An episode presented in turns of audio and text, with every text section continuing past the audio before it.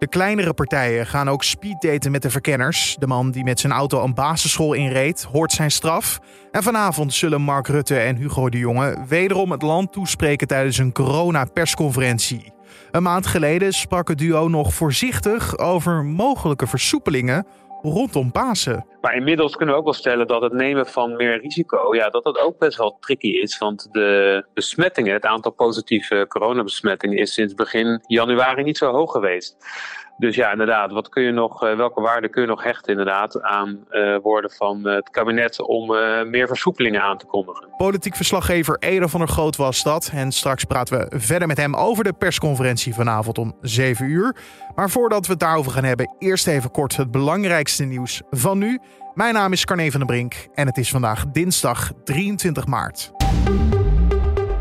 Zodra het kan, komt er meer ruimte voor terrassen. Meer dan 200 gemeenten hebben aan hun lokale horeca al toegezegd dat de terrassen, als die eenmaal open mogen, meer ruimte krijgen. Dat blijkt uit de lijst van 225 gemeenten die Koninklijke Horeca Nederland op verzoek van nu.nl heeft opgesteld. Ongeveer een vijfde van de horecaondernemers is geholpen met een ruimer terras.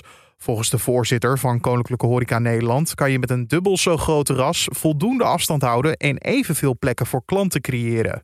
Toen de horeca vorig jaar op 1 juni weer open mocht, werden de grotere terrassen bedacht. Waar dat kon, mochten meer tafeltjes en stoelen geplaatst worden. Bij een schietpartij in de Amerikaanse staat Colorado zijn tien doden en meerdere gewonden gevallen. Onder de dodelijke slachtoffers is een politieagent. Een man begon maandagmiddag lokale tijd om zich heen te schieten in de supermarkt. Vervolgens werd de winkel urenlang omsingeld door de lokale politie en de FBI. Deze man was boodschappen aan het doen toen er geschoten werd. I just went in for um, a soda and some chips and heard, you know, one loud bang. Uh, thought somebody just dropped something, an employee or something, and then another. Then by the third one, everybody was running. Op vrijgegeven beelden is te zien hoe een bebloede man met handboeien door de politie wordt weggevoerd. Het is onduidelijk of dit ook de vermoedelijke schutter is. Duitsland verlengt opnieuw de lockdown tot 18 april en kondigt extra regels aan rond Pasen. Dat maakt bondskanselier Angela Merkel bekend na overleg met de 16 deelstaten. Tijdens de paasvakantie van 1 tot 5 april moeten mensen zoveel mogelijk binnenblijven. Winkels zijn gesloten, met uitzondering van de supermarkten. Kerken worden verzocht om hun diensten online te houden en er mogen niet meer dan vijf mensen van twee huishoudens bij elkaar over de vloer komen. Alle reizen naar het buitenland worden ook afgeraden. Volgens de Duitse regeringsleider verkeert het land in een serieuze situatie door onder meer de Britse coronavariant. Een ex-advocaat van Trump geeft toe dat de fraudeclaim over stemmachines onzin was. De advocaat heeft na de verkiezingen wekenlang zonder bewijs geroepen dat de leverancier van stemcomputers, Dominion Voting System, deel uitmaakte van een vooropgezet plan om de verkiezingen van Trump te stelen. Deze advocaat heeft nu de rechter gevraagd om een tegen haar aangespannen rechtszaak door het stemmachinebedrijf te verwerpen. Het bedrijf spande in januari een rechtszaak tegen haar aan wegens laster. De fabrikant eist een schadevergoeding van minstens 1,3 miljard dollar. En het bedrijf sluit niet uit dat het Trump zelf ook nog gaat aanklagen. Dan de persconferentie van vanavond. Zoals gezegd dachten demissionair premier Mark Rutte en coronaminister Hugo de Jonge voorzichtig aan versoepelingen een maand geleden. Dat was het perspectief dat ze konden bieden aan Nederland. Maar gezien de huidige coronacijfers hoeven we daar niet meer veel van te verwachten. Zoals inmiddels al uitgelekt dat er geen grote versoepelingen komen en dat de reisbeperkingen waarschijnlijk nog over de meivakantie worden getild. Dus perspectief, dat woord dat hoop leek te geven, is mogelijk ver te zoeken, vertelt politiek verslaggever Eder van der Groot aan collega Julien Dom. Ja, het spijt me om te zeggen, maar je valt ook een beetje in herhaling. Want uh, ja, het is steeds zo dat wij deze podcast beginnen als het over persconferentie gaat. Dat uh, perspectief steeds wordt geboden. En dat het perspectief er steeds niet is. Dus ja, het is uh, nog altijd het oude liedje inderdaad. Ja, die stip aan de horizon. Nou ja, goed, die stip die komt niet dichterbij, dat weten we nu. Maar wat is zo'n woord dan op dit moment nog waard? Ja, dat is lastig. Kijk, uh, twee weken terug, uh, nee, dat is een maand geleden inmiddels al, kon er meer risico genomen worden. Uh, tenminste, dat vond demissionair premier Mark Rutte. dus toen werden de scholen weer deels heropend en ook de contactberoepen, hè, zoals de, de kappers, die konden weer op afspraak, kon je daar weer komen. Maar inmiddels kunnen we ook wel stellen dat het nemen van meer risico, ja, dat dat ook best wel tricky is. Want de besmettingen, het aantal positieve coronabesmettingen is sinds begin januari niet zo hoog geweest. Dus ja, inderdaad, wat kun je nog, uh, welke waarde kun je nog hechten inderdaad aan uh, woorden van het kabinet om uh, meer versoepelingen aan te kondigen? Over waarde aan iets hechten, hecht het kabinet zelf nog steeds de meeste waarde aan uh, als ik even naar de cijfers kijk, het aantal besmettingen? Of letten ze ook al op andere getallen, bijvoorbeeld het aantal vaccinaties dat inmiddels is toegediend? Ja, dat is, uh, dat, is ingewikkeld. Tenminste, in die zin dat, uh, dat ze daar nog niet helemaal uit zijn. Er komt op een gegeven moment wel een omslagpunt. want dat vroeg ik twee weken geleden tijdens de laatste persconferentie. Dat was nog voor de verkiezingen ook. Er komt natuurlijk een omslagpunt dat er zoveel mensen gevaccineerd zijn. dat je vooral daar naar kijkt. in plaats van dat je naar het aantal besmettingen kijkt. maar vooralsnog is wel het eerste en belangrijkste van het kabinet is de zwakkere, eh, dus lees de ouderen en eh, mensen met gezondheidsklachten, die moeten als eerst gevaccineerd worden. Want daar, moet, eh, ja, daar ligt de prioriteit van, van het kabinet. Onder mensen die echt kunnen sterven van het virus, of de grootste kans hebben om te sterven van het coronavirus, om die te beschermen. Drukke tijden natuurlijk voor het kabinet, voor demissionair, missionair, hoe je het ook wil zien. in ieder geval missionair als het gaat om de corona-aanpak momenteel. Want de formatie die loopt ook nog eens. Gaat dat door elkaar heen? Is dat een beetje met elkaar verwikkeld, Hedo? Ja, nou in die zin dat, uh, kijk, de, de, de corona-aanpak. Uh, kijk, het kabinet is natuurlijk gevallen in januari al. Toen zei Rutte al direct van ja, dat, wij zien onszelf nog steeds missionair. Tussen aanhalingstekens in hoeverre dat uh, bestaande term is. Op het gebied van de corona-aanpak. staatsrechtelijk kan het natuurlijk helemaal niet. Maar daarmee zei hij eigenlijk, ja, wij gaan gewoon door met onze aanpak. En we zijn niet van plan om ja, dat te veranderen. Ook al zijn we nu gevallen te belangrijk om te laten liggen? Te belangrijk om te laten liggen. En daar komt inderdaad de formatie, uh, stipt hij daarbij ook aan. Van, ja, daar, en daarin gaan we ook gewoon door. Ik vroeg me nog wel van ja, is het nou niet reëel om uh, aan de nieuwe uh, aan de winnaars van de verkiezingen wellicht ja, bij het beleid te betrekken? Omdat er zijn natuurlijk wel andere ideeën over die corona-aanpak. ja, en er is natuurlijk ook behoorlijk campagne gevoerd over corona, bijna alleen maar eigenlijk. Dus is het dan niet netjes om ook eens te vragen aan de winnaars van ja, wat willen jullie eigenlijk wat, wat we nu moeten doen? Maar daar was Rutte eigenlijk best wel kort over. Die zei, ja, dat, daar hebben we eigenlijk helemaal geen tijd voor. Uh, ja, we gaan niet polderen. Nou, daar zeg je het al. Uh, Sigrid Kaag van D66 die had zich nogal uitgesproken uitgelaten over een van de coronamaatregelen, namelijk de avondklok. Ja, ook een van de verkiezingswinnaars. Hè. Dus je zou zeggen dat uh, Sigrid Kaag ook wel kan aanschuiven bij, uh, voor zover ze dat nog niet deed natuurlijk. Want er wordt natuurlijk in de minister, uh, ministerskring wordt natuurlijk gewoon overlegd. maar wellicht dat, ze, ja, dat, dat, haar ideeën, of het ideeën, de ideeën van D66 wat meer betrokken worden bij het beleid. maar goed, nog lijkt het daar niet op. D66 wil inderdaad zo snel mogelijk af van de avondklok. Uh, dat zei Kaag afgelopen vrijdag. Maar goed, het blijft wel een feit dat D66 altijd heel kritisch is geweest op die avondklok. En aanvankelijk, voordat we de Britse variant hadden, eigenlijk ook niet mee wilde instemmen.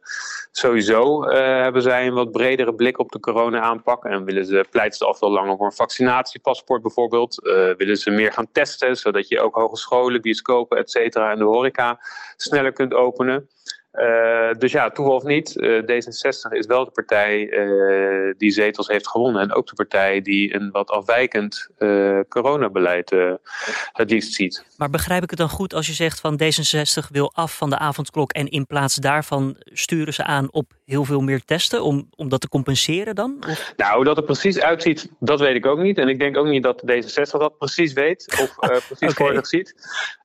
nou ja, goed, ja, kijk, het is niet zo dat zij een, een vuistelijk plan hebben geschreven van hoe dat dan moet met die avondklok. Volgens Rutte en uh, demissionair minister uh, Hugo de Jonge van Volksgezondheid is die avondklok gewoon op dit moment echt nodig om de besmettingen op een weliswaar te hoog en tot voor kort stabiel uh, punt te houden. Inmiddels zien we dat zelfs het aantal besmettingen gewoon best wel flink oploopt. Ja, als je dan ook nog de avondklok met die éénbezoekersregeling, want die hoort daarbij, uh, als je die afschaft, dan is het idee dat die besmettingen nog harder oplopen. Dus ja, het, zal een beetje een, een gevecht worden voor wat nou voorrang krijgt. uh, wordt inderdaad toch in het zicht van de haven wat meer geëxperimenteerd. het zicht van de haven, namelijk vaccinatie. Uh, programma. Dat nu inmiddels zijn er 2 miljoen mensen hebben een vaccine, vaccinatie gekregen. Ja, of blijft alles een beetje bij het oude en ja, gaan we eigenlijk struikelend naar die vaccinatie toe? Want dat is eigenlijk op dit moment wat het kabinet steeds doet. vorig jaar was er ook al een persconferentie. Inmiddels loopt het al ruim een jaar natuurlijk. En steeds wordt er gezegd van we gaan het op deze manier aanpakken. We gaan het op deze manier aanpakken. Regionale aanpak. is allemaal niet gelukt. ja goed, de virus heeft natuurlijk gewoon simpelweg de overhand. Dus de enige uitweg is nog steeds uh, die vaccinatie. Aanvankelijk kregen we hier in Nederland veel uh, te horen over het begint allemaal te langzaam, Edo, dat prikken. Nou, nu hebben we 2 miljoen prikken achter de rug. Gaat het dan nu wel snel genoeg eindelijk? Nou, dat hopen Rutte en de jongen in ieder geval wel om uh, in de zomer weer een klein beetje terug te keren naar het oude normaal. Uh, in juli is het idee dat iedereen die een eerste prik wil ook een eerste prik kan krijgen. En op de drempel van de herfst, dat zijn de woorden van uh, de jongen, uh, verwacht hij dat er een behoorlijke vaccinatiegraad is opgebouwd. dus ja, we zijn in aanloop naar die vaccinatie die ons het beste kan beschermen op dit moment tegen dat virus ja, zoals ik al zei, het is een beetje struikelen naar die vaccinatie. Ja, struikelen, maar met misschien wel een klein puntje van licht dan nog, namelijk het vaccinatiebewijs. Hoe staat het daarmee? Is, is dat wetsvoorstel bijvoorbeeld al door de Kamer heen? Nee, dat nog niet. Het is wel zo dat het kabinet die, uh, werkt op dit moment inderdaad aan een vaccinatiepaspoort. Dat is juridisch schijnt dat erg ingewikkeld te zijn.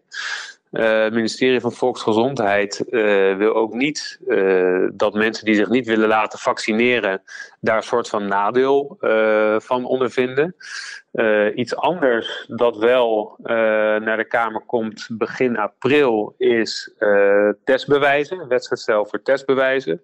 Nou goed, beide heeft eigenlijk als doel dat je met, met een app wordt dan een QR-code uitgelezen. Ik zal niet precies in detail treden, maar die QR-code moet aantonen of je wel of niet besmettelijk bent van het virus. En of dat nou komt doordat je gevaccineerd bent, of dat je al ziek bent geweest, of dat je net negatief bent getest. Uh, dat moet nog even aan, aangekeken worden. Überhaupt moet er ook nog gekeken worden of bijvoorbeeld uh, zo'n vaccinatiepaspoort en zo'n testbewijs, of dat misschien wel in één app kan, want het doel is hetzelfde. Maar goed, hoort het wellicht al, uh, behoorlijk veel werk aan de winkel. Maar ja, dat is inderdaad ook een spoor dat ingezet wordt ja, om een beetje te experimenteren ook. Zodat ja, voetbalstadions, evenementen, theaters, bioscopen, musea, noem maar op, terrassen, uh, toch een beetje vol kunnen lopen komende maanden. Dat is wel het idee. Edo, vanavond dan die persconferentie. Ja, volgens mij ligt alles al op straat. Of verwacht jij nog verrassingen? Ja, het is natuurlijk altijd een beetje lastig om in te schatten wat, er, uh, wat, wat een verrassing kan zijn. Hè? Dat is een beetje de essentie van de verrassing. Maar ja, uh, Hugo de Jonge en Mark Rutte kennende uh, zullen ze weer behoorlijk gaan hameren op het feit dat de coronamaatregelen nageleefd moeten worden. En ja, daar is hij weer. Uh, zullen ze misschien toch een beetje perspectief willen bieden. Politiek verslaggever Ede van der Groot hoorde je daar in gesprek met collega Julien Dom. En na de opname van dit gesprek kwam ook nog naar buiten dat de avondklok mogelijk een uur verschoven wordt. Van 9 uur naar 10 uur als begintijd. Het kabinet ziet dit als een serieuze optie, ook in verband met de zomertijd. Vanavond om 7 uur is de persconferentie en natuurlijk kan je die volgen op nu.nl via een livestream of een live blog. Gevolgd door uiteraard tekst en uitleg, onder meer in onze app. En dan de verdere nieuwsagenda van vandaag. Verkenners Annemarie Joritsma en Kaja Alongren ontvangen vandaag de resterende partijleiders van de nieuw gekozen Tweede Kamer. Ze gaan praten over welke partijen met elkaar gaan samenwerken in de nieuwe coalitie. De partijen die langskomen zijn de kleinere partijen van 50 plus tot Ja 21 bijvoorbeeld. Gisteren waren de fractieleiders van de grotere partijen al aan de beurt. Vandaag doet de rechtbank uitspraak tegen de 56-jarige man uit Grotebroek. Hij reed op 1 juli in zijn woonplaats met zijn auto het gebouw van een openbare basisschool in, waar zich op dat moment veel mensen bevonden. Hij is aangeklaagd voor poging tot moord, vernieling van een gebouw en bedreiging met de dood. De eis is 36 maanden gevangenisstraf, waarvan 12 maanden voorwaardelijk. En zanger Lee Towers wordt vandaag 75 jaar. Daarom is het Lee Towers Dag vandaag op Rijnmond. Radio Rijnmond opent ieder uur met een bekende hit van de zanger. En van 10 tot 1 uur is er een live uitzending vanuit Towers Huis. Waarin hij live wordt gefeliciteerd door collega's en andere BN'ers. En dan het weer van Weerplaza. Vandaag weer met Wouter van Bernebeek. De dag begint landinwaarts op sommige plaatsen met mist, maar dat lost snel op. En overdag is er een afwisseling van wolken en zon. Het blijft op de meeste plaatsen droog en de temperatuur loopt duidelijk hoger op dan de afgelopen tijd. Het wordt vanmiddag 10 graden langs de noordkust tot 12 graden in het midden en zuiden van het land. Daarbij staat niet al te veel wind. Ook morgen is het op de meeste plaatsen droog, geregeld zon en het wordt nog iets zachter. In het zuiden is lokaal zelfs 15 graden mogelijk. Dankjewel Wouter van Bernebeek van Weerplaza. En om af te sluiten nog even dit. De allereerste tweet ooit blijkt goud waard te zijn. De tweet, geplaatst door Twitter-oprichter Jack Dorsey, heeft bij een veiling 2,9 miljoen dollar opgeleverd. Dat is omgerekend bijna 2,5 miljoen euro. Dorsey verkocht het eerste bericht ooit als een digitaal object dat voorzien is van een echtheidscertificaat en een handtekening. Het bericht met de tekst Just setting up my Twitter werd geplaatst op 21 maart 2006. Dorsey wil de opbrengst van het bericht aan mensen in Afrika schenken die door het coronavirus getroffen zijn. Wees trouwens niet bang dat een stuk geschiedenis nu in privéhanden is. De tweet blijft gewoon zichtbaar voor iedereen op, ja, hoe kan het ook anders, Twitter. En dan zijn we aan het einde gekomen van deze podcast voor de dinsdag 23 maart. Vanmiddag zijn we weer terug met de kortere middagpodcast, onze middagupdate. Dan wordt je bijgepraat over het nieuws van dat moment. En natuurlijk zijn we morgenochtend weer terug met de uitgebreidere variant van deze podcast. Help ons een beter te maken door feedback, vragen of suggesties door te mailen naar ons mailadres podcast.nu.nl. Mijn naam is Carne van der Brink. Maak er een mooie dag van en heel erg bedankt voor het luisteren.